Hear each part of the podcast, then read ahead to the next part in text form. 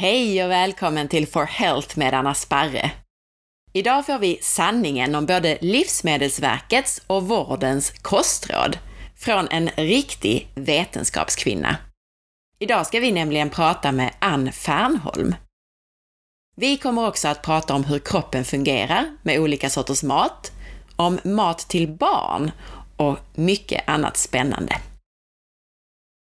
Om du gillar den här intervjun så blir jag så glad om du vill dela med dig av den på Facebook, Instagram eller till en vän. Och så kan du hjälpa podden att överleva genom att lämna ett betyg eller en recension i iTunes.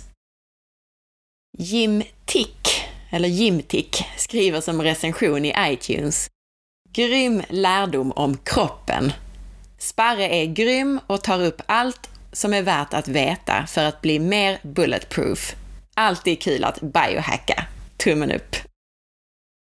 Ju mer du lyssnar, delar och recenserar, desto bättre går det att hålla podden levande med gratis information och intressanta intervjupersoner. Stort tack på förhand! Glöm inte heller att boka mig som föreläsare till ditt event eller företag. Och om du är nyfiken efter avsnittet så hittar du mer information på forhealth.se. Dagens intervju blir alltså med Ann Fernholm, vetenskapsjournalisten som startat Kostfonden och skrivit böcker som Ett sötare blod och Det sötaste vi har. Hon har disputerat i molekylär bioteknik, varit TV-reporter och skrivit för tidningar som Dagens Nyheter, Svenska Dagbladet, Dagens Medicin och Läkemedelsvärlden. Hon har granskat diabeteskosten i Vetenskapens Värld och hon har blivit utnämnd till Årets vetenskapsjournalist efter en granskning av solkrämer. Kort sagt så har vi idag med oss en kvinna som gör enormt mycket för att leverera sanningen om vår kost och hälsa. Här får du den verkliga sanningen om Livsmedelsverkets kostråd och om kostråd från vården. Och vill du veta varför Ann tycker att forskningsvärlden borde skämmas? Du får sanningen bakom motsägelsefulla kostråd och rubriker och mycket kuriosa om allt från allergier till varför många får tandställning i onödan. Och vad händer i kroppen beroende på vilken mat vi äter? Det här är en sån intervju som ni ska dela med alla som bör påverkas av sanningen om kost. Avsnitt 54 med läkaren Cecilia Fürst blev en sån. Och den blev också årets populäraste avsnitt 2015. Detta är ytterligare ett sånt avsnitt. Ann är ärlig, rak och modig. Hej, det var Ann här. Hej Sanan! Jag vill börja med att säga att det är jätteroligt att få prata med dig och vilken ära att få ha dig med idag, trots att du har så ont om tid. Ja, nej, men det, det är ju bra. Nu, det är lite mindre ont om tid den här våren än vad det har varit tidigare. Jag har presenterat dig i inledningen här, men berätta ändå. Var föddes ditt intresse för att granska forskning och kostråd? Jag är ju biokemist i grunden och har disputerat i det. Men så var det våren 2009 som jag intervjuade en kvinna som har typ 2-diabetes. Och hon berättade för mig om dagen när vågen stod på 100 kilo och hon var beroende av ganska mycket insulin för att försöka få ner blodsockret, men det pendlade ju ändå liksom till höga nivåer. Och, eh, och då gick hon ut på nätet och eh, insåg att man kan hantera sin diabetes med en eh, lågkolhydratkost så bytte hon ut ris, pasta, potatis och allt sånt mot mer fett och protein.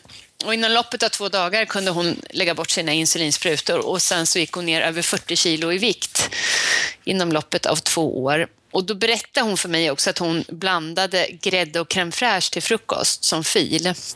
Och vi har ju liksom alla lärt oss att det ska man, inte, man ska inte kunna äta grädde och crème fraîche till frukost och gå ner i vikt. Så det talade ju liksom mot allt jag hade lärt mig som biokemist. Och det var det som fick mig att börja undra, liksom, vad är det för fel och vad, vad är det som händer egentligen? Och då började det här med liksom, lågkolhydratkost växa och det började bli debatt och sådär. Och, och då satte jag mig in i historien bakom våra kostråd och det beskriver jag ju i boken eh, Ett sötare blod. Och så såg jag ju att kostråden vilar ju egentligen på extremt bräcklig vetenskap. Det finns mm. egentligen ingen grund för dem. Nej. Finns det mer grund för de råden då? Alltså att äta en lågkolhydratkost, att äta som den här diabetikern gjorde? Nej, det gör det ju inte heller egentligen. Det finns ju, om man tittar rent strikt vetenskapligt så eh, finns det ju ganska små studier som tyder på att det är mycket bättre för diabetiker, men det skulle ju behövas större och mer välgjorda studier. Men när man som den här kvinnan, hon blev i princip symptomfri från sin diabetes. Hon kallade sig själv för att hon har diabetes typ 0. Att om man tog ett blodprov på henne så såg man inte ett spår av diabetesen i hennes blod. Och det är ju Alltså, det skulle ju vara os alltså, det är osannolikt att det skulle vara farligt för henne. Allt talar ju för att det är bra för kroppen att få bra blodvärden och gå ner över 40 kilo i vikt. Så jag har svårt att se att det skulle vara farligt för henne. Men man behöver ju, för jag tycker ju att man ska ha bra vetenskap på alla råd man ger, så därför så skulle man behöva visa att det faktiskt är så här generellt genom bra vetenskap och sen måste man också undersöka att det inte finns några oväntade biverkningar, någonting vi inte har tänkt på liksom, som kan uppstå. Men vad säger du om de kostråd som Livsmedelsverket står för då? Är de bra eller dåliga? De är ju baserade på vetenskapliga hypoteser som man aldrig har bevisat. Liksom. De har ju egentligen ingen vetenskaplig grund, utan Livsmedelsverket nöjer sig ju, när de ger kostråd så nöjer de sig med en form av vetenskap som man till exempel aldrig skulle godkänna ett läkemedel på. Så de har ju mycket, mycket lägre vetenskapliga krav innan de ger ett kostråd. Eh, så eh, nej, deras kostråd vilar ju inte på en bra vetenskaplig grund. Det gör de inte. Är det något särskilt i kostråden som, som inte stämmer enligt dig, eller är det Eh, generellt? ja, de varnar för allt liksom. Nej, men, eh, ja, det här med mättat fett finns det ju, är det ju liksom, finns det ju egentligen ingen vetenskaplig grund för. Att varna för salt finns det ingen vetenskaplig grund för. Att varna för rött kött finns det heller ingen vetenskaplig grund för. Eh, möjligtvis att rött kött kan öka risken för tjocktarmscancer, kanske, möjligtvis, men då verkar det å andra sidan skydda mot andra sjukdomar om man äter mycket protein och då kanske man ändå i längden får en lägre dödlighet. Liksom. Eh, och sen så är, har de ju satt en gräns på att man kan äta eh, 10 procent av alla sina kalorier från tillsatt socker i kosten och det är egentligen också bara en ren gissning. Det har man ingen aning om om människan tål så mycket socker baserat på den kunskap och forskning som finns då, även om det är för lite, men hur borde kostråden vara utformade? Ja, men innan man ger ett kostråd så ska man, eh, liksom, om man har en hypotes, här, ja, rött kött kanske är farligt, då ska man göra en så kallad interventionsstudie där det finns människor som får rådet att äta extremt lite rött kött. Då ska man jämföra med folk som äter som vanligt. Liksom. Och sen så ska man ju se om råden att inte äta rött kött om det faktiskt har någon hälsoeffekt. Och först när man har genomfört en sån kontrollerad studie så kan man ge ett kostråd. Som idag när man då varnar för rött kött så finns det en stor risk att folk istället för att ha den där skinkbiten på mackan kanske de har på marmelad istället och då är det ju massa socker i det och det finns ju mycket i vetenskapen idag som talar för att socker är riktigt skadligt för människokroppen. Så då kanske man byter något som är hyfsat bra för kroppen till något som är mycket värre. Mm. Och så leder råden liksom till en dålig bieffekt. Mm. Och dessutom så tycker jag att de här varningarna för rött kött, det är något man inte pratar så mycket om, det är ju att kvinnor behöver faktiskt väldigt mycket järn. Och tittar man på det järnbehov kvinnor har, om man ska få i sig det utan att äta rött kött eller inälvsmat, så är det ganska svårt. Mm. Och det tycker jag kommer bort här, att man varnar för rött kött utifrån, mycket utifrån klimataspekter. Och sen att liksom man tycker att det är inte är bra för djuren och sådär. Men man måste ju också titta på vilken slags näring vi behöver. Och då är järn något vi behöver mycket av. Och bebisar och sånt behöver mycket järn. Just det, nej men det stämmer. De, det blandas ofta ihop det här med miljö och hälsa, att man inte skiljer på dem så att säga. Ja, det tycker jag. Det, gör, det görs väldigt mycket.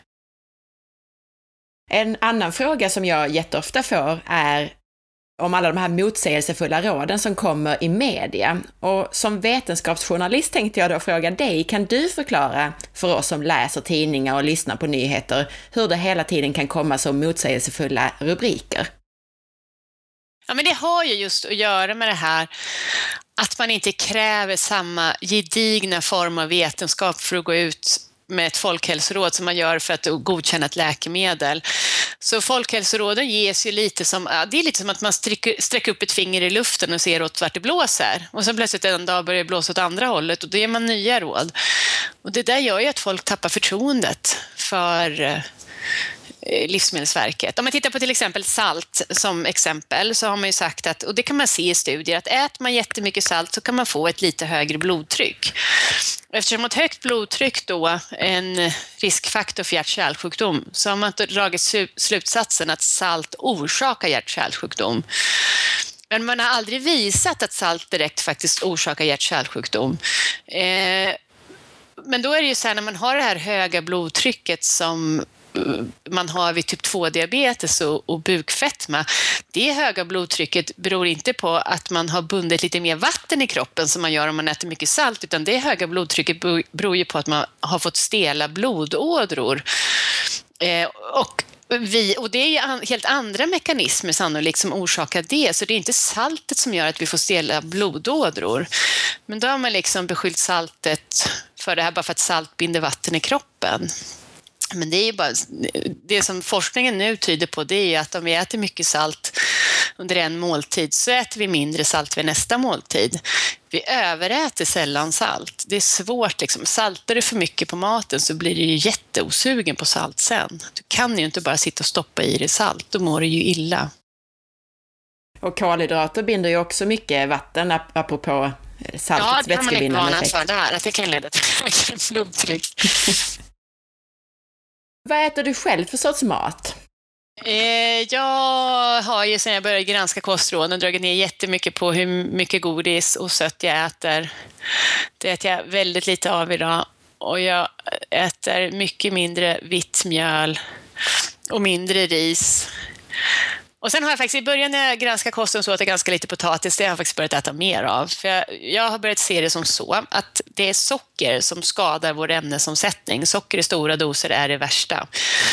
Så undviker vi socker och, och fortsätter ha en frisk ämnesomsättning, då tål kroppen potatis och även lite ris och sådär. Men om man har liksom förstört sin ämnesomsättning eh, med socker, då, kan man, då får man ett högt blodsocker utav potatis och stärkelse och så.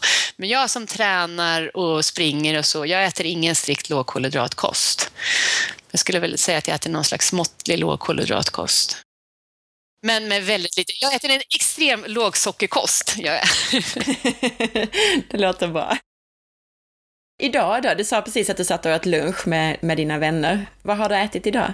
Ja, idag hade jag, jag brukar ofta ha med mig lunchlåda, men det hade jag inte idag. De var slut alla lunchlådor i frysen, så jag gick och köpte en grillad kyckling och så köpte jag sojabönor och så provade jag för första gången fryst avokado, för jag tycker det är så tråkigt mm. med allt det bruna. Och det var rätt okej okay, faktiskt. Det var lite beskt, men det funkar. Och rätt mycket olivolja på det. Och lite tomater också. Äter du några tillskott, några kosttillskott? Eh, ja, jag har ätit lite D-vitamin och sen har jag tagit lite zink också, för jag insåg att jag hade så vita fläckar på naglarna och rätt frissig hår. Och det har faktiskt hjälpt mot det. Mm. Vi ska prata lite om Kostfonden. Ja. Och först och främst, vad är Kostfonden för någonting? Ja, det är ju en ideell insamlingsorganisation. Vi har egentligen samma stadga faktiskt som Cancerfonden, fast vi har bytt ut allt med cancer till kosten, att vi vill undersöka kostens effekter på hälsa och sjukdom, står i våra stadgar. Eh, så vi samlar in pengar till kostforskning och vårt mål är att stärka kostforskningen och att det ska bedrivas många fler högkvalitativa studier. Som jag sa förut, att jag tycker liksom kostråden baserar sig inte på såna här randomiserade kontrollerade prövningar. Och det är just sådana prövningar som Kostfonden ska finansiera. Eh, och vi jobbar annorlunda än Cancerfonden för att vi, vi eh, identifiera kunskapsluckor som vi tycker behöver fyllas. Och sen samlar vi in pengar för att fylla den kunskapsluckan. Och sen håller vi en utlysning där vi ber forskare komma in med förslag på studier.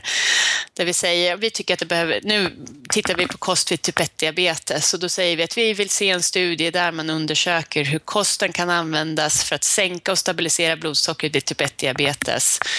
Och då får forskare komma in med förslag och sen väljer vårt vetenskapliga råd ut det förslag som man tror kan, tror kan leda till liksom, störst genomslag och som kan förändra vårdens rekommendationer och som kan faktiskt leda till att patienterna får effektivare kostråd. Så målet är att förändra vården med kostfonden.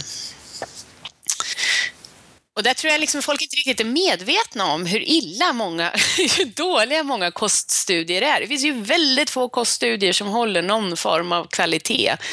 Utan de flesta koststudier som genomförs är alldeles för små och liksom för kortsiktiga för att kunna ändra några slags nationella rekommendationer. Och, och, där är det ju viktigt då att man faktiskt får till stora och högkvalitativa studier för, att, mm. för all vård. Jag tycker det är jätteviktigt, bara för att nu ser man att en lågkolhydratkost verkar till exempel ha en fantastisk effekt vid typ 2-diabetes. Men man får ju inte begå det misstag man har gjort tidigare nu och säga ja, men vi tycker det här verkar jättebra, nu inför vi det här helt utan bra vetenskaplig grund. Utan man måste ju faktiskt göra sitt jobb då och bevisa att det man tror liksom verkligen har effekt. Annars så blir det ju inte bättre liksom. Hänger du med i hur jag tänker? Jag hänger med, absolut. Att vi får inte göra samma misstag nu då med, med det vi tror är rätt. Nej. Och jag tror vi ska betona för lyssnarna också, för du nämnde ju det här med randomiserade kontrollerade studier till skillnad från mycket av det som finns idag som faktiskt bara är observationsstudier. Um, som Men egentligen inte duger. studie kan man ju bevisa ett orsakssamband, för då säger man Precis. ni äter så här och ni äter så här och sen tittar man liksom på vad som händer i de två olika grupperna och det är det enda sättet att bevisa orsakssamband. Och det kostar jättemycket pengar att genomföra sådana studier. Så det är därför det finns så få sådana. Hur går det för er då med Kostfonden? Ja, men det har ju faktiskt gått väldigt bra första året. Kostfonden grundades ju för ett och ett halvt år sedan. I september 2014 berättade vi att vi fanns. Så 2015 var ju vårt första hela riktiga år och vi fick in nästan 600 000 kronor till kostforskning. Och då satsade vi det på en studie på kost vid IBS där de ska, forskare vid Sahlgrenska ska utreda kolhydraters roll vid eh, det här irritabel tarm där man har magsmärtor. Och det är ungefär en tiondel av befolkningen som har det. Och då har liksom, för, för, min tanke när jag var med och grundade Kostfonden, det var liksom att det finns ju andra som är intresserade av samma saker som vi. Liksom. Och då är ju bland annat försäkringsbolag faktiskt intresserade av att folk ska leva friska. Eh, så då, när vi satsar 600 000 på det här så finansierade Skandias forskningsfonder resten, så de satsade 1,9 någonting miljoner. Så för varje 100 kronor någon har satsat i kostfonden så har nu 400 kronor styrts till kostforskning. Så jag vet inte, det känns så fantastiskt att vi faktiskt har kunnat visa att den här modellen fungerar och jag tror att det kommer fungera på samma sätt nu med typ 1-diabetes som vi satsar på nu. Verkligen. Jättegrattis till framgångarna. Vad kul. Ja, ja det känns spännande. Men jag ska säga det, jag, jag, tycker att det är så roligt, liksom, nu har jag gnällt i mina böcker som journalist här i flera år. Nu känns det så häftigt att faktiskt kunna göra någonting åt saken. Och att inte liksom bara sitta och gnälla. Och nu med kostfonden som bas, nu kommer vi skicka in ett inspel till regeringens nya forskningsproposition. Då får man ju ett helt, liksom, man får en helt annan plattform att uppmärksamma kostfrågan istället för att ha en liten privat blogg. Liksom. Så har ju en forskningsfond med det vetenskapliga råd som vi har också, en, det finns en helt annan tyngd i det. Och det tycker jag är jätte roligt. Jag är så glad för forskarna i vårt vetenskapliga råd. De är också väldigt pigga och tanke framåt och som jag ser det, riktiga forskare som vill ha riktig vetenskap så att man faktiskt bevisar det man eh, tror och så. De är ju, många i vårt vetenskapliga råd är ju väldigt kritiska till de råd som har getts så tycker jag att de vilar på alldeles för svag vetenskaplig grund. Det bådar gott, tycker jag. Ja. Du nämnde lite grann, lite kort, vad ni har på gång, men berätta lite mer vad som, vad som händer just nu. Jo, men vi har ju, ja, dels har jag och sen också tillsammans med Anna Bergman, som hon är kommunikationsansvarig på fonden. Vi har ju dels varit runt på olika försäkringsbolag. Vi har också träffat andra forskningsfonder och patientorganisationer som vi tänker att vi kan samarbeta med liksom för att presentera fonden och säga att här är vi nu. Sen så eh, har, ska vi också översätta sajten till eh, engelska har vi jobbat på så att vi ska, eller håller vi på att jobba på, så att vi ska kunna göra fonden internationell. För det finns ju ingen skäl idag att en sån här ideell organisation ska liksom vara inom Sveriges gränser bara. För den forskning som Kostfonden kommer finansiera kommer ju kunna få genomslag i hela världen. Eh, så det håller vi på att jobba på och sen samlar vi då in pengar till typ 1-diabetes, en studie av det. Och där har vi med oss Peter Gide som ju också gått ut och börjat berätta om sin diabetes nu nyligen. Han har haft typ 1-diabetes i tre år. Ja, vad gör vi mer? Det är ju svårt, för alla som jobbar på fonden jobbar ju ideellt, så vi gör ju det vi hinner med. Liksom. Eh. Är givarna svenska? Är alla givare svenska, skulle jag säga? Ja, det är någon som har hört av sig och vill donera pengar från ett annat land.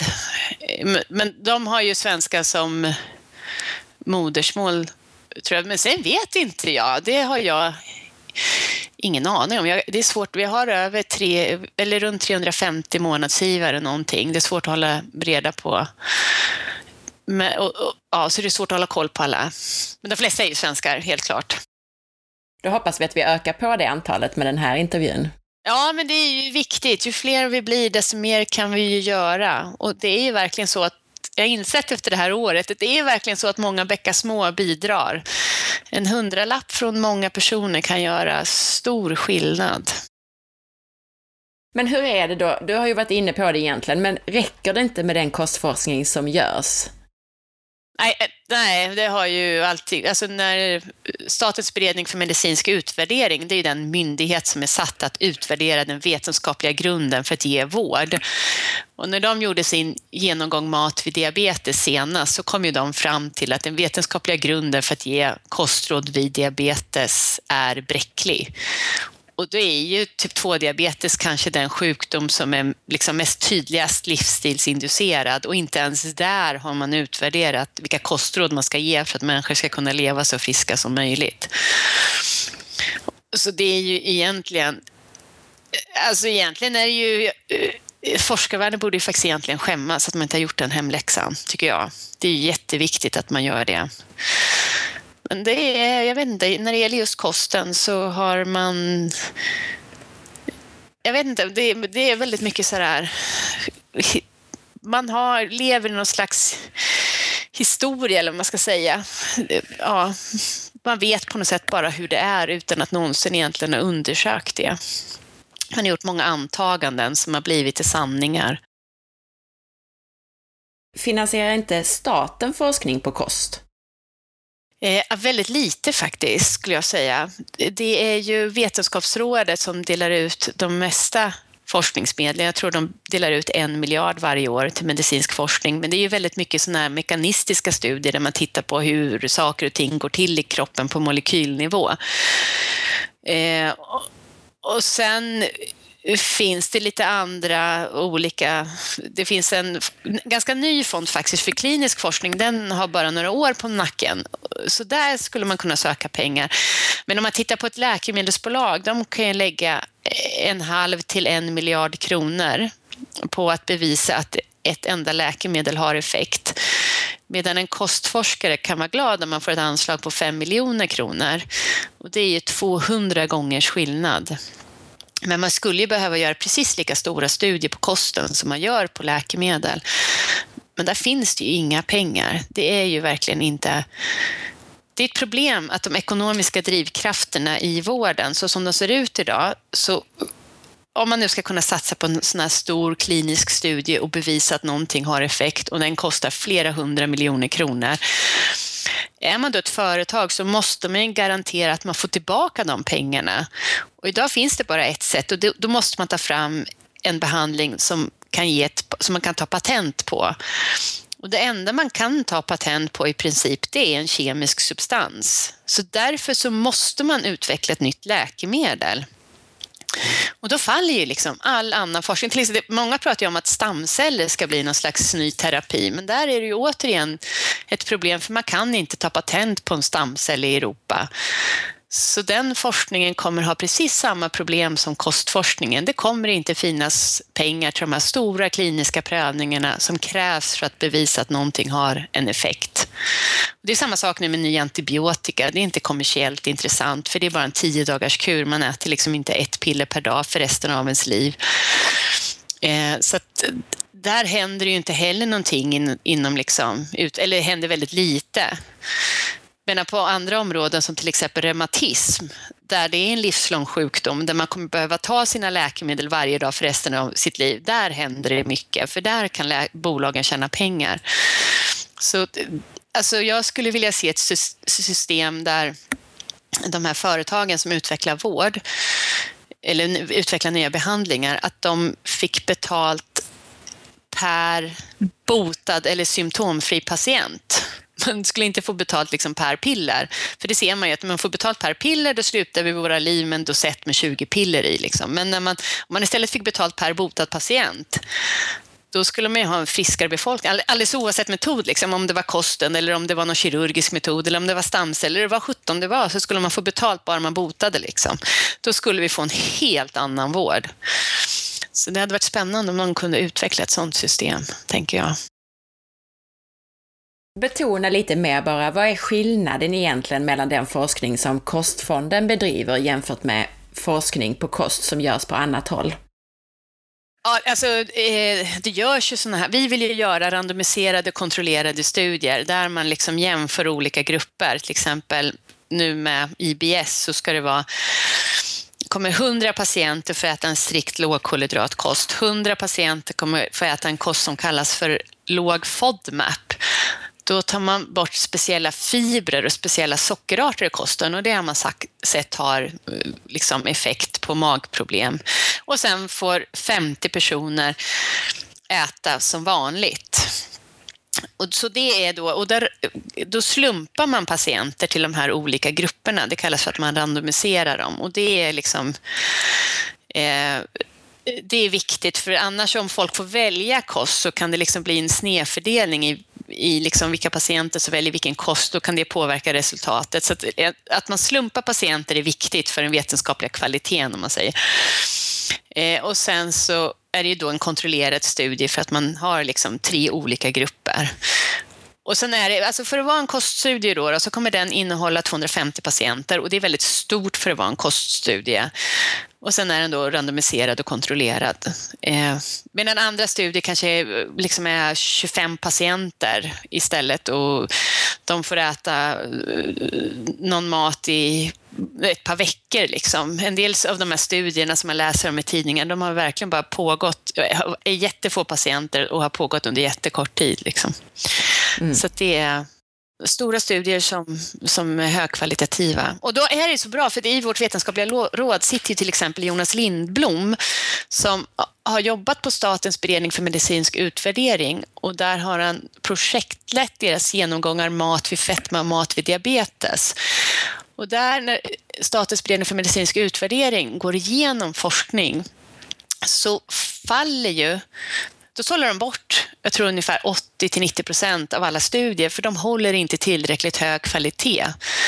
Och det som är så bra med att ha med honom när vi då granskar de studier som vi vill finansiera, då, är det liksom, då går ju han, nagelfar han dem och säger, som i det här fallet så tyckte han, ja men vi kan stärka den här studien genom att ha en kontrollgrupp också. Och då blir studien mycket bättre. Så han, istället för att nagelfara studien i efterhand, där man har fått sina resultat och det är för sent, så tittar man på det i förväg och ser till att man gör på ett bra sätt, så studien håller hög kvalitet. För vårt mål är ju sen att nästa, om till exempel eh, Statens beredning för medicinsk utvärdering då gör en genomgång till exempel av kost vid IBS, då ska den här studien hålla så hög kvalitet som de säger det här är en bra studie och den här gruppen hade ju effekt så det här kan vi göra till en nationell behandlingsrekommendation. Och gör man det och Socialstyrelsen då kan använda det här som grund för att ge nationella behandlingsrekommendationer, då kommer det få genomslag på varenda liten vårdcentral i hela Sverige. Eh, så det är lite vår arbetsmodell. Högkvalitativa studier som SBU kan godkänna som välgjorda studier. Men hur långt är steget då från att era studier är färdiga till att vi förändrar våra kostråd, alltså Livsmedelsverkets kost, eh, kostråd? Ja, Livsmedelsverket de gör ju på friska patienter. Kostfonden kommer jobba mer med olika sjukdomar. Så då blir det Socialstyrelsens kostråd egentligen. Men det steget är ju långt dessvärre. Det tar ju sitt lilla tag. Men vi jobbar långsiktigt. Mm. det måste man göra med forskning. Det är det enda sättet att få förändring. Vi vill ha förändring i grunden och då är enda vägen att göra välgjord vetenskap. Jag kan ta ett exempel på hur snabbt någonting kan ändras egentligen när man har en välgjord studie. Och då eh, har man ju länge sagt att bebisar med allergier, eller som har hög risk för allergi, de ska undvika till exempel ägg och fisk och jordnötter. För om de undviker det så har man trott att de ska slippa allergier. Men nu i våras så publicerade brittiska forskare en extremt välgjord studie som följde konstens alla regler, som var så randomiserad och kontrollerad, där en grupp bebisar från det att de var under ett år fick äta jordnötsprotein kontinuerligt flera gånger i veckan till fem års ålder. Den andra gruppen fick göra så som man har sagt, man fick akta sig för jordnötsprotein. Och i den gruppen som aktade sig hade man sju gånger fler barn med allergier. Som ett barn blev allergiska i gruppen som fick äta jordnötsprotein så blev sju barn allergiska i den gruppen som fick undvika jordnötsprotein. Den studien var så välgjord så efter det pratar ingen i allergivärlden längre om att man ska undvika mat. Nu är det så här, ja det är nog så att vi ska utsätta barnen för mat. Eller för, för den mat man kan bli allergisk för. Eh, så den, den välgjorda studien ändrade allt över en natt kan man säga. Intressant. Ja, så det, är liksom välgjord forskning, då hamnar ju det med rubriker i New York Times och på BBCs hemsida och liksom det sprider sig över världen via media. Så genom välgjord vetenskap så kan man faktiskt få ett världsgenomslag. Man behöver inte bara förändra liksom, kostrekommendationer i Sverige, man kan förändra saker i hela världen. Häftigt. Och det är det vi är ute efter. Mm, ja, men det, det är klart. Hur gör man då bäst för att hjälpa till? Var ska man ta vägen om man vill donera pengar? Då kommer ni in på Kostfondens sajt, eh, kostfonden.se. Eh, och så uppe till höger så finns det så här, lämna bidrag och då kan man gå in på den sidan. Och då är det bäst om man blir månadsgivare tycker vi, för då vet man att man har ett långsiktigt engagemang. Då kan man jobba långsiktigt om man vet att man får in en viss summa pengar varje månad. Så kan man liksom rätta munnen efter matsäcken lättare.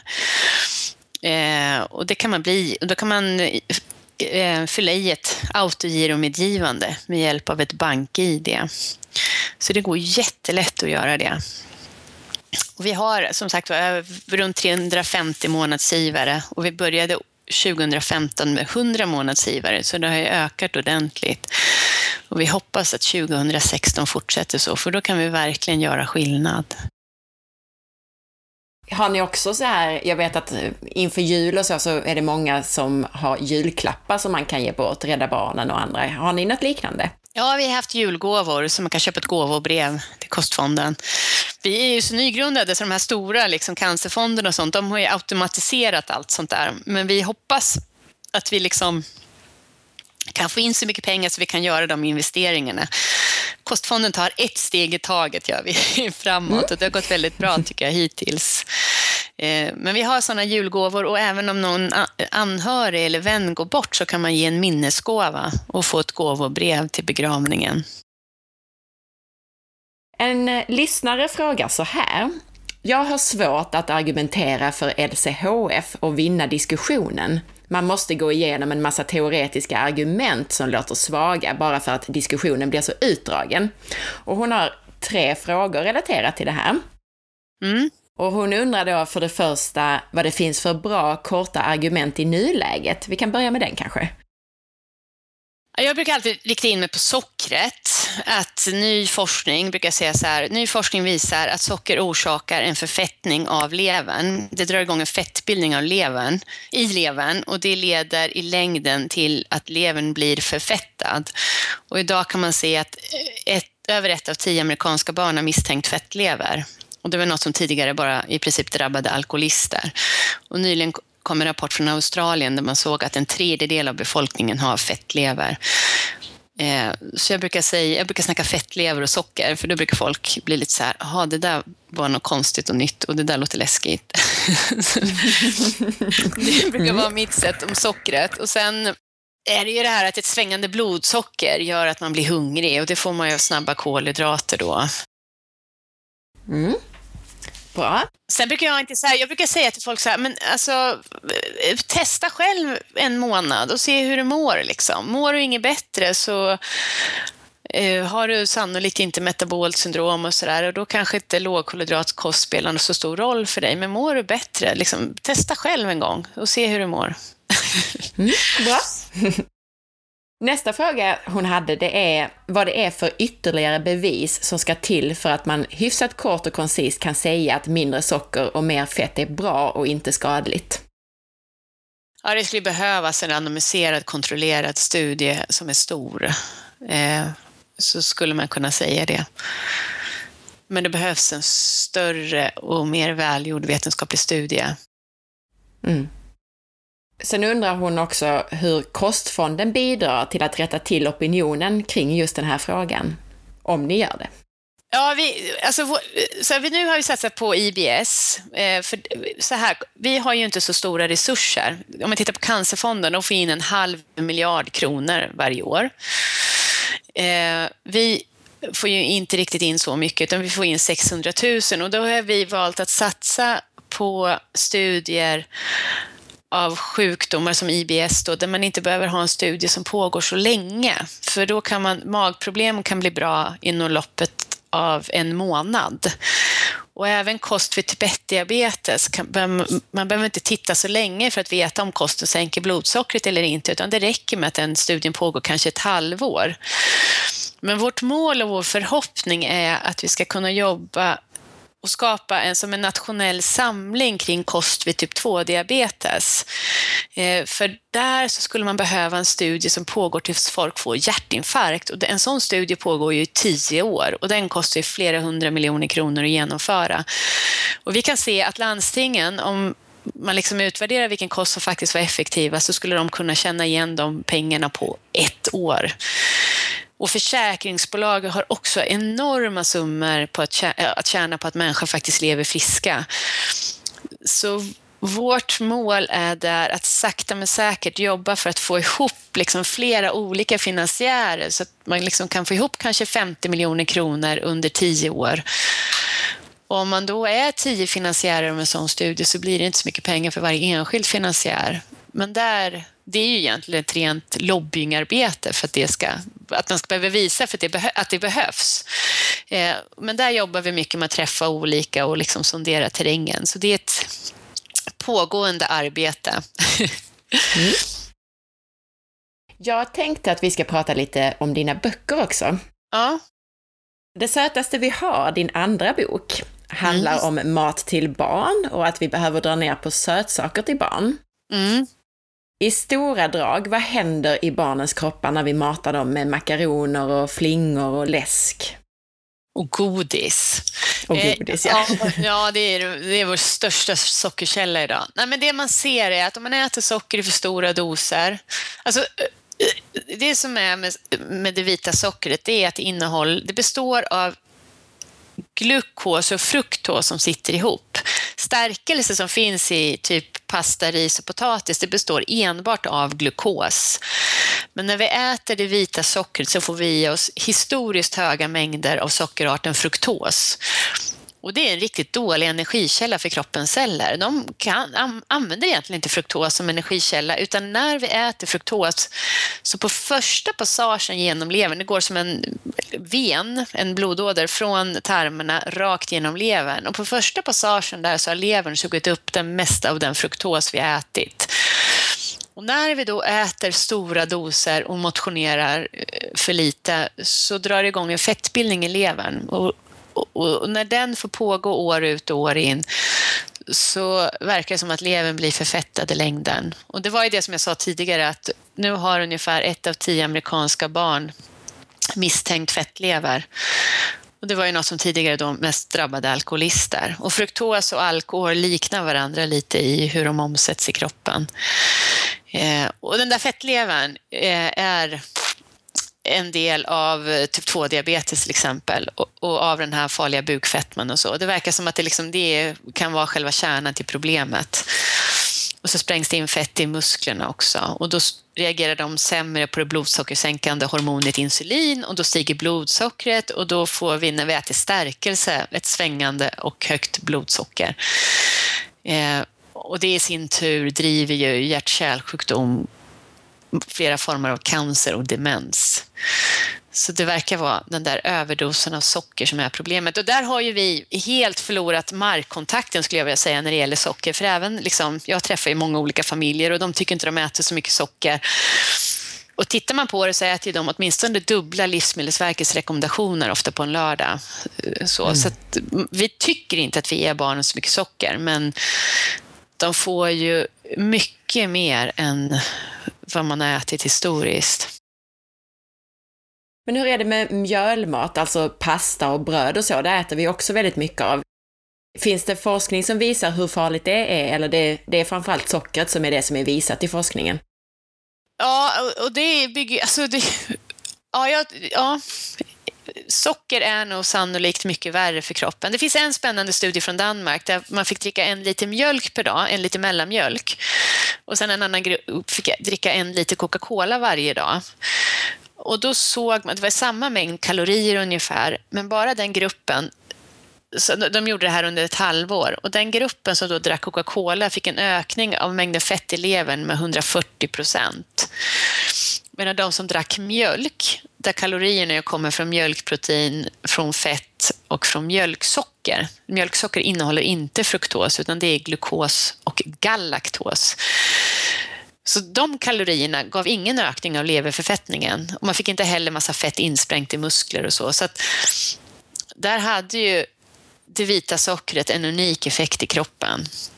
Och det här ser man också när man gör musstudier och sånt. Eh, att det vita sockret verkar värre än stärkelse som då finns i, i till exempel pasta. Men sen tror inte jag att allt detta vita mjöl är någon hälsokur heller. Det är ju liksom inte, det är ganska näringsfattigt och sådär. Och det leder också till höga och svängande blodsocker. Men, men värst är det vita sockret. Så ska man göra någonting för sin hälsa så är det det man ska ta bort. Mm. Du nämnde det här med näringsfattigt. Rent logiskt så tänker jag att om man äter väldigt mycket vitt mjöl och bröd och pasta och så vidare, att man går miste om annan mat med mer näring och mer vitaminer och mineraler. Och, ja, men det gör man ju också. Men där är ju socker, för eh, vitt mjöl innehåller ändå lite näring, liksom, så det är inte helt näringsfritt. Men socker, godis, är ju helt näringsfritt. Så för varje kalori som kommer från socker får vi en kalori helt utan näring. Och tittar man då, om ett barn äter en påse Gott och blandat eh, så får man 553 kalorier i sig. Och det är ju ungefär en tredjedel av deras dagsbehov av energi. Och då får man det helt utan vitaminer och antioxidanter i princip. Och det, det tänker jag att inte vi tänker på riktigt. Det, det har inte riktigt vuxenvärlden förstått. Att vi liksom har, ger barnen en väldigt vitaminfattig kost. Och då ska man ju se vitaminerna lite som, som oljan i kroppens maskineri. Kroppen behöver ju vitaminer och antioxidanter för att maskineriet, det biokemiska maskineriet ska rulla på ordentligt utan att det ska börja gnissla i maskineriet. I media så är det ju ofta så att problemet med barns stillasittande lyfts fram som det stora hälsoproblemet. Vad säger du om det? Alltså hur stor del av problemet är kost och hur mycket är det att barn rör sig för lite? Eh, jag skulle säga att eh, kosten är ett större problem. Sen behöver ju barn röra på sig mer också. Men ju mer socker man äter, desto mer behöver man ju egentligen röra på sig för att bränna det sockret. Så att, men, men jag tycker barn behöver röra på sig mer än vad de gör idag också. Det är också ett problem. Och det behöver man faktiskt för till exempel skelettet. För det kan man se att när man maxar sin, man har som högst bentäthet och benstyrka någonstans i 20-årsåldern. Och det är väldigt beroende av hur mycket man har studsat och hoppat faktiskt. Ju mm, mer mm. stötar skelettet får ta emot, desto starkare blir det. Så därför så behöver man springa och hoppa och röra på sig på det sättet. Om man till exempel simmar eller cyklar så har man sett att då får man inte riktigt lika mycket stärkning av skelettet som om man spelar fotboll eller håller på med gymnastik. Så, så det behövs ju för andra saker också, den där rörelsen. Men jag skulle säga att sockret är ett, ett jätteproblem bland barn. De äter ju enormt mycket socker.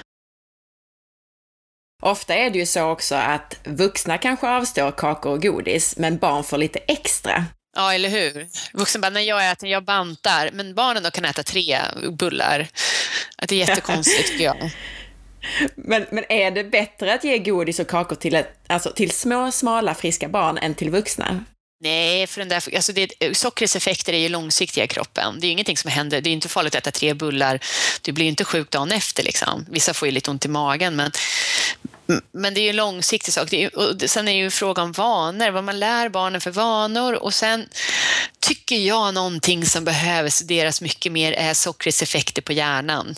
För du ser ju inga barn som ligger och skriker framför broccolin eller liksom baconet i affären. Det, det finns inga barn som ligger där och skriker. De ligger och skriker framför godiset och bullarna och kakorna liksom, eller glassen. Och eh, socker har ju någon form av speciell effekt på den mänskliga hjärnan som inte andra livsmedel har. Och där eh, undrar jag verkligen, dessa barn som får så himla mycket socker, om inte vi faktiskt ger dem en form av sockerberoende när de växer upp. Det skulle jag vilja se en studie på. Oh, det blir, kanske blir en nästa studie då? Ja, för kost, kostvanor har så mycket att göra. Du skulle bara veta vad det finns på listan. ja, fler givare helt enkelt. Vi får uppmana lyssnarna att, att börja ge så att ni hinner med alla de här studierna. Ja, gud vad det kan ge effekt alltså. Jag tänker det man klagar på att det inte finns pengar i statsbudgeten och så här till olika saker. Löste vi problemet med fetma och typ 2-diabetes, då skulle det finnas så mycket mer pengar över att liksom få en bättre skola, att få en bättre integration och sådär. Diabetes som sjukdom står för en halv procent av landets BNP i kostnader. Och då är det liksom enbart diabetes, då räknar man inte med alla såna här följdsjukdomar av diabetes, som att man till exempel oftare får urinvägsinfektioner och sådana saker, utan det är ju liksom bara diabetes som sjukdom. Så det är en mm. halv procent av landets BNP. Oj. Det finns mycket pengar att spara. Det är det jag hoppas. Det är faktiskt en grej med kostfonden att jag hoppas att man kan driva på den processen. För då, det är ju fullständigt katastrofalt för samhällsekonomin att vi har den här fetmeepidemin som vi har. Förutom allt mm. mänskligt lidande. Jag hoppas att eh, det sitter regeringspolitiker och lyssnar på den här eh, ja, intervjun sen. Det, ja. Din första bok och även namnet på din blogg är ju Ett sötare blod. Ja. Vad menar du med uttrycket ett sötare blod? Jo, det är ju att vi har fått ett högre blodsocker. Att blodet är ju sötare, vi har mer socker i blodet helt enkelt. Eh, och det ser man ju då driver att eh, det förstör alltså insidan av blodådrorna, bland annat. Så, så det är allt fler som har typ 2-diabetes till exempel. Då har man ju ett sött blod ofta. Mm. Men är forskningen tydlig här? Alltså boken handlar ju, precis ja, som du sa då... Ja, det är forskningen tydlig. Att det är farligt att ha ett högt blodsocker, det är väldigt tydligt. Och det ser man också på typ 1-diabetes, det är ju ungdom, barn och ungdomsdiabetes. Där har man ju inte problem med blodfetten, utan där är det ju ett högt blodsocker som leder till att man får skadade njurar, skadade ögon och man får ju en mycket högre risk att avlida hjärt-kärlsjukdom och det ser man ett jättetydlig koppling. Ju högre blodsocker, desto högre risk att avlida i förtid. Det finns många bra studier som visar det. Så då är det alltså tydligt att man ska undvika socker och snabba kolhydrater för att undvika diabetes och så vidare. Då. Ja, det tycker jag. Mm. Absolut. Ja, kanske typ 1-diabetes är en annan sjukdom. Där, alltså, där är en autoimmun sjukdom. När man väl har fått det så bör man undvika det. Men vid typ 2-diabetes så tycker jag att det är rätt tydligt att det är socker som är en viktig orsak. Kanske inte den enda, men en av de viktigaste orsakerna. Du har också skrivit en tredje bok som heter Smakäventyret, en handbok i att lära små barn äta mat. Ja. Varför blir många barn kräsna och vägrar äta annat än ja, makaroner och köttbullar till exempel? Ja, men det är ju för att vi har helt fel strategi när vi lär dem äta mat. Eh, och det här är verkligen den boken, jag har skrivit en bok jag själv önskar att någon hade gett mig när jag skulle lära mina barn att äta mat, för jag hade ingen aning om hur för, viktigt det första årets smakträning är. För forskning visar att när barn blir ungefär ett och ett halvt till två år gamla så går de in i ett stadium som forskare kallar för neofobi. De blir kräsna för ny mat, rädda för det nya. Och man tror att det har liksom haft en fördel under evolutionen, för då när barnen blev tillräckligt stora för att ge sig ut i skog och mark själva så skulle de inte stoppa farliga flugsvampar och annat i munnen, utan då skulle man bara äta sånt som man hade lärt sig var riktig mat. Eh, och då är det ju så att idag, så, eller så, så gjorde ju jag, jag gav ju mina barn såna barnmatsburkar och eh, välling under första året. Och det har Alltså välling har ju ingen smak de behöver lära sig, ingen konsistens. Det är jätteviktigt med konsistensträning också, att man känner konsistensen av olika mat i munnen. Så välling har ju inget, det är bara flytande liksom. Och sen så, eh, de här barnmatsburkarna har ju inte heller någon speciell konsistens och de tycker inte ens om det där. Men jag var så rädd för salt. Jag trodde det var liksom dödligt för bebisar att kunna äta lite smör bara med salt i. Eh, så Alltså mina barn fick ju ingen bra smakträning. Men det som forskning visar är att bebisar faktiskt är öppna för nya smaker. Så att om man ger dem till exempel lite bittrare smaker och sånt där så kan de, om de får smaka samma mat om och om igen, vänja sig vid det relativt lätt. Och det är det som är så viktigt, att vänja dem vid olika smaker och olika konsistens under första året, så att de har lärt sig äta riktig mat när de går in i det här stadiet av neofobi. Så, sen kommer de alltid ändå bli lite mer kräsna och man kommer liksom behöva jobba lite med att få dem att äta, men det blir lättare då. Jag träffar ju många som ger sina barn välling och gröt och så för att de är berikade med järn och vitaminer och så vidare och tror att de inte kan få tillräckligt annars. Hur ser du på den frågan? Måste man ge sina barn gröt och välling? Nej, absolut inte. Man måste ge dem mycket järn, det är viktigt, men de kan få järn från till exempel leverpastej eller blodpudding, eller man kan ha paltbröd i, det är ju en blodprodukt. Och det smakar precis som tunnbröd om man äter det, men det kan man använda och berika maten med om man vill, med järn. Eh, aprikoser, torkade aprikoser innehåller jättemycket järn. Man kan köpa en järngryta och koka maten i en järngryta. Då blir köttfärssåsen fem gånger mer järnrik än om man kokar den i en vanlig gryta, till exempel. Rött kött är jättejärnrikt. Eh, eh det är en eh, dietist som är med i boken och hon gav sin son en så här blodig biff som man fick sitta och suga på för då är det ju järn i blodet där. Eh, ja, så det finns massa andra sätt att ge barnet järn via riktig mat. Och det som nu börjar faktiskt uppdagas, och det, det kommer ganska, det har kommit stora välgjorda studier och kommer komma flera studier på det nu, det är att svenska bebisar har dubbelt så mycket glutenintolerans som eller svenska barn har det, småbarn, jämfört med barn i USA till exempel. Och då tror man att orsaken är att svenska bebisar får så extremt mycket gluten i sig via välling och via pulvergröt och så. Så då är det lite läskigt för då har ju faktiskt rekommendationerna varit direkt till skada för barnen. Mm. Eh, men, och då kan man säga att man kan faktiskt ge havrevälling, det innehåller inte så mycket gluten. Eh, så det kan man ge om man vill. Men om jag hade fått göra om den här resan så hade jag faktiskt helt hoppat över vällingen, ammat barnet istället och gett barnet riktig mat. För välling gör ju också att barnet, de blir ju mätta barnen på välling. Vissa barn får ju fem flaskor välling per dag och då mättar ju, då behöver de inte fler kalorier och då finns ingen skäl för dem att träna sig i att äta riktig mat. Men det är det. Och sen är vi liksom för rädda för att ge dem hela bitar mat. De, de behöver lära sig att tugga. Det är någonting som bebisar behöver öva på. Det är en massa plastbitleksaker. Då ska de bita på massa plast istället. Istället för att de till exempel, när de får så här, det kliar i tänderna och de liksom börjar få tänder, då kan de ju lika gärna få en hel, en stor så här broccolibukett att gnaga på. Det är ett mycket bättre sätt. Slipper de gnaga på massa plast också. Perfekt. Om det nu är så då, apropå kräsenheten, om man nu redan har ett barn som har hunnit bli kräset och är några år gammalt, vad gör man då?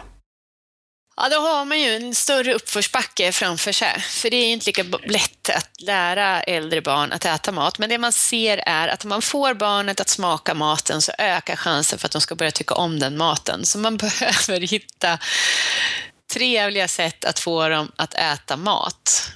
Och då beskriver jag till exempel i smakäventyret hur jag är på ett eh, dagis där de jobbar med en metod som heter sapere, där man får utforska maten. Och då har de speciella samlingar där man bara utforskar maten. Och det finns inget tvång att man ska smaka eller sådär, men barnen gjorde ju det av ren nyfikenhet. Så det, det var liksom inte knutet till, mat, till när man satt och åt, utan det var en speciell sak man gjorde där man bara utforskar mat. Och jag tror att man kan jobba med lite sådana saker med, med barnet, att man får dem att utforska maten, att de är med och lagar maten hjälper ju ofta. Till exempel min son sa en gång faktiskt att mat han själv hade lagat var mycket godare än vi lagade. Så, ja, Sen jag har en, en, ett kapitel där jag har mina bästa tricks. Ett trick som faktiskt har funkat jättebra, det är att dagar när det går riktigt trögt med maten, att berätta en matsaga.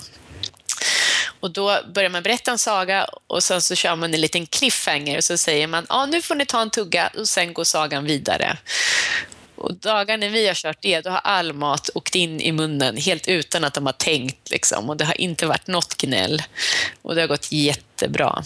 Så det är ett bra tips. Och då är det ju lite sådär om de till exempel inte har tyckt om lax så mycket. Sen så kör man matsaga när man har käkat lax fyra, fem gånger och sen på något sätt är lax någonting de äter. Då har de bara vant sig vid det.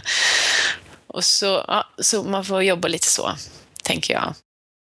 Du skriver i din bok någonting också om att man ska prova en sak minst åtta gånger. Ja, att Stämmer man smakar. Det? Ja, bebisar. När man, ser man på sju månader gamla bebisar så är det en studie där föräldrarna fått, liksom, fått bestämma någon grönsak som bebisarna hade fått som de bara hade spottat ut. Liksom det äckligaste deras barn någonsin hade ätit. Liksom. Något, det skulle vara så här som man kände att det var ingen idé att ge det igen. Och då var det Eh, många av föräldrarna de frågade hade ju inget sånt, för deras bebisar hade ätit allting. Men eh, det var, jag vet inte hur många det var, men det var liksom en undergrupp. De flesta hade ju någonting som bebisarna hade ogillat. Så, och sen fick de då ge det varannan dag i 16 dagar och varannan dag fick de ge någonting som bebisarna verkligen hade gillat från, först, från början. Och då kunde man se att när de där 16 dagarna hade gått och de då hade fått åtta smakportioner utav det här äckliga då, så åt de faktiskt precis lika mycket av det som det som de tyckte var gott från början. Då var det 48 av 49 barn började äta mer och nio av tio barn började äta väldigt mycket mer när de fick öva sig på den här smaken. Och några barn åt liksom mycket mer redan efter andra eller tredje smakportionen. För vissa tog det fyra, fem smakportioner och för vissa liksom dröjde det till sjunde eller åttonde smakportionen innan de började äta mer. Så man ska inte ge sig. Alltså man, man har en bebis som som liksom, du vet, grimaserar och maten kommer ut igen, då ska man tänka så här, oj, det här var ovant. Nu måste vi ge det här minst åtta gånger till. Så ska man tänka. Man ska inte tänka att det här tyckte bebisen var äckligt, för bebisar har inte äckligt och gott. De har ovant och vant. Bra. Du skriver också om hårdmat. Att brist på hård mat kan vara en orsak till att många behöver tandställning. Berätta om det. Ja, men det är, jag berättade ju förut att skelettet utvecklas. Ju mer man hoppar och springer, desto starkare skelett får man. Och kroppen funkar ju så lite att när den känner att oj, oj, den här, det här är mycket dunsar och slag, nu måste jag bygga på skelettet liksom, så det blir starkare. Och det verkar faktiskt funka på samma sätt med underkäken. Att om man tuggar på hårda saker så verkar underkäken växa mer. Och då finns det spännande studier där man tittar på bland annat förhistoriska skelett när vi har varit jägare och samlare. Då har de inga tänder som är snedvuxna, utan de har så perfekta tandrader, helt utan karies också. Eh, och då har man börjat tro att den här, man ser det när vi går över och blir bönder istället för jägare och samlare. Bönder äter lite mjukare mat och då kan man se att underkäken växer annorlunda och att det blir mindre plats för tänderna och att tänderna börjar vridas. Så, så det är en spännande tes tycker jag, som har gjort att mina barn får lite mer morötter. ja, just det. Och när de tycker köttet är lite segt så säger jag så här, ah, men du vet det är bra att du tuggar ordentligt och växer käken. ja, ja, det är bra. Ja. Så är det. Vi pratade ju om välling och gröt och, och mjöl generellt och du har skrivit lite om effekten på tarmarna. Hur är det för ett barns tarmar att få väldigt mycket mjölmat? Eh, ja, där behöver man ju mer forskning. Men, och jag vet inte om det är bara mjölmat, det är den västerländska kosten kan man ju se med mycket, mjöl, liksom, mycket kolhydrater och mycket socker. Då kan man se att den det förändrar tarmfloran man sett i musstudier. Man kan ju se att vi, när vi äter olika får vi en, liksom, tarmfloran förändras efter hur vi äter. Och då kan vi se att vi i västvärlden har en rubbad tarmflora, att den mat vi äter leder till en tarmflora som är kopplad till inflammation i kroppen. Och, och det kan man också se kopplat till läckande tarmar. Eh, och då kan man se till exempel att glutenintolerans ökar och då verkar det som att saker som gluten till exempel lättare läcker in i kroppen när tarmarna, när tarmfloran inte är liksom fungerande så skapar inte tarmfloran den energi som tarmcellerna behöver för att hålla tätt mot omgivningen. Och det är därför det verkar läcka i våra västerländska tarmar. Och det tycker jag är lite det där, är ju, där börjar man glänta på dörren till ett helt nytt område, något vi inte har förstått vidden av ännu tror jag. För vi behöver ju liksom, tarmarna är ju till för att hålla tätt mot liksom, Det ska inte börja läcka in massa saker i kroppen, som, som massa skräp i kroppen. Liksom. Tar, tarmarna måste ju verkligen hålla tätt mot allt det skräp som passerar genom tarmarna. Ja, så det är ett spännande område. Vad ska vi ge våra barn för mat? Vad, vad tycker du? Ja, riktig mat liksom. Fisk och grönsaker och ja, riktig mat. Så som, jag ser ju eh, vitt mjöl och socker som modern mat. Det var ju någonting som kom under 1800-talet och 1900-talet. Det är ju någonting som människan inte har ätit tidigare under historien. Och när vi tänker liksom på den mat vi ger våra djur så är vi ju jättenoga med att djuren ska få den mat som deras kropp är gjorda för, för annars vet vi att djuren blir sjuka. Och jag tänker att vi måste tänka så om våra barn också, för vi är faktiskt en produkt av en evolution. Vi, på det viset är vi inte mer än djur. vi, liksom inte, vi står inte över det, människan. Vi, vi tänker på något sätt att vi är gjorda av något annat, skrot och korn på något sätt. Den moderna människan, vi är liksom inte en del av naturen. Men när det kommer till våra kroppar så är vi ju verkligen det och det måste vi ha respekt för. Så vi får helt enkelt tänka liksom, på vad åt egentligen stenåldersmänniskan? Vad kan de ha ätit? För det är sånt som kroppen mår bra av. Hur är det då med mejeriprodukter, tänker jag? Ser du, hur ser du på det? Ja, det tycker jag är svårt. Det skulle behövas mer forskning faktiskt på hur mejeriprodukter funkar i kroppen. Jag tycker att det finns väldigt lite. Alltså under hela den här tiden som vi har haft en fetmaepidemi och så, så har vi faktiskt börjat dricka mindre mjölk. Ja, jag tycker det är svårt att svara på den frågan. Jag tror att det inte är så illa för kroppen, men att det behövs mer forskning där. Det är vissa som på, tycker att de mår bättre av att inte äta mejeriprodukter och så, och, och där tänker jag att det skulle behövas mer kunskap. Men jag tror spontant inte att det är så farligt. Jag tror att socker och vitt mjöl är värre, men jag har inga bevis för det. Nej, mer forskning alltså? Ja, mer forskning. Men, samtidigt kan man säga så här faktiskt, det finns en studie, till exempel om man tittar på Malmö kostcancerstudien, eh, så kom det nyligen en rapport där som visade att de som käkade grädde och feta mejeriprodukter, de hade lägre risk för typ 2-diabetes än de som till exempel käkade lättprodukter. Så Jag tycker det finns väldigt lite som skulle säga att till exempel mjölk orsakade typ 2-diabetes. Det tycker inte jag det finns någonting som talar för. Och sen är det vissa som får problem med magen och sådär av det. Och det är en annan sak. Men det får bli ett nytt forskningsområde för kostfonden i framtiden då, ja, efter allt ja, det här det andra. Ja. Hur kan man få veta mer om det, Jan? Var tar man vägen på internet till exempel om man vill veta ja, mer? Man kan ju läsa min eh, blogg ettsotareblod.se. Där uppdaterar jag ju då och då med nya studier och, och sådana saker. Så där kan man följa mig. Eller så läser man mina böcker. Men jag ska säga, min här, den har blivit lite mer slumrande sen jag grundade Kostfonden, för jag jobbar väldigt mycket med den och mycket ideellt, så det blir mindre på bloggen då. Men eh, jag känner som att Kostfondens arbete är viktigare på lång sikt. Det kan leda till mycket större förändring. Vi är jätteglada för att du lägger så mycket tid och ideell tid på det här. Tack Verkligen. Tack så mycket ja, för det. Själv. Tack för en trevlig intervju. Tack för att du lyssnade. Jag hoppas att du gillade intervjun och det Ann har att säga lika mycket som jag gör. Glöm nu inte att dela med dig av den till alla du tycker borde lyssna. Och glöm inte att länka till intervjun på Facebook. Kommentera gärna om vad du tyckte om dagens intervju i kommentarerna på forhealth.se eller på Facebook eller Instagram. Du hittar mig, podden och For Health på facebook.com forhealth.se och på Instagram via signaturen asparre. Och så bloggen såklart på forhealth.se.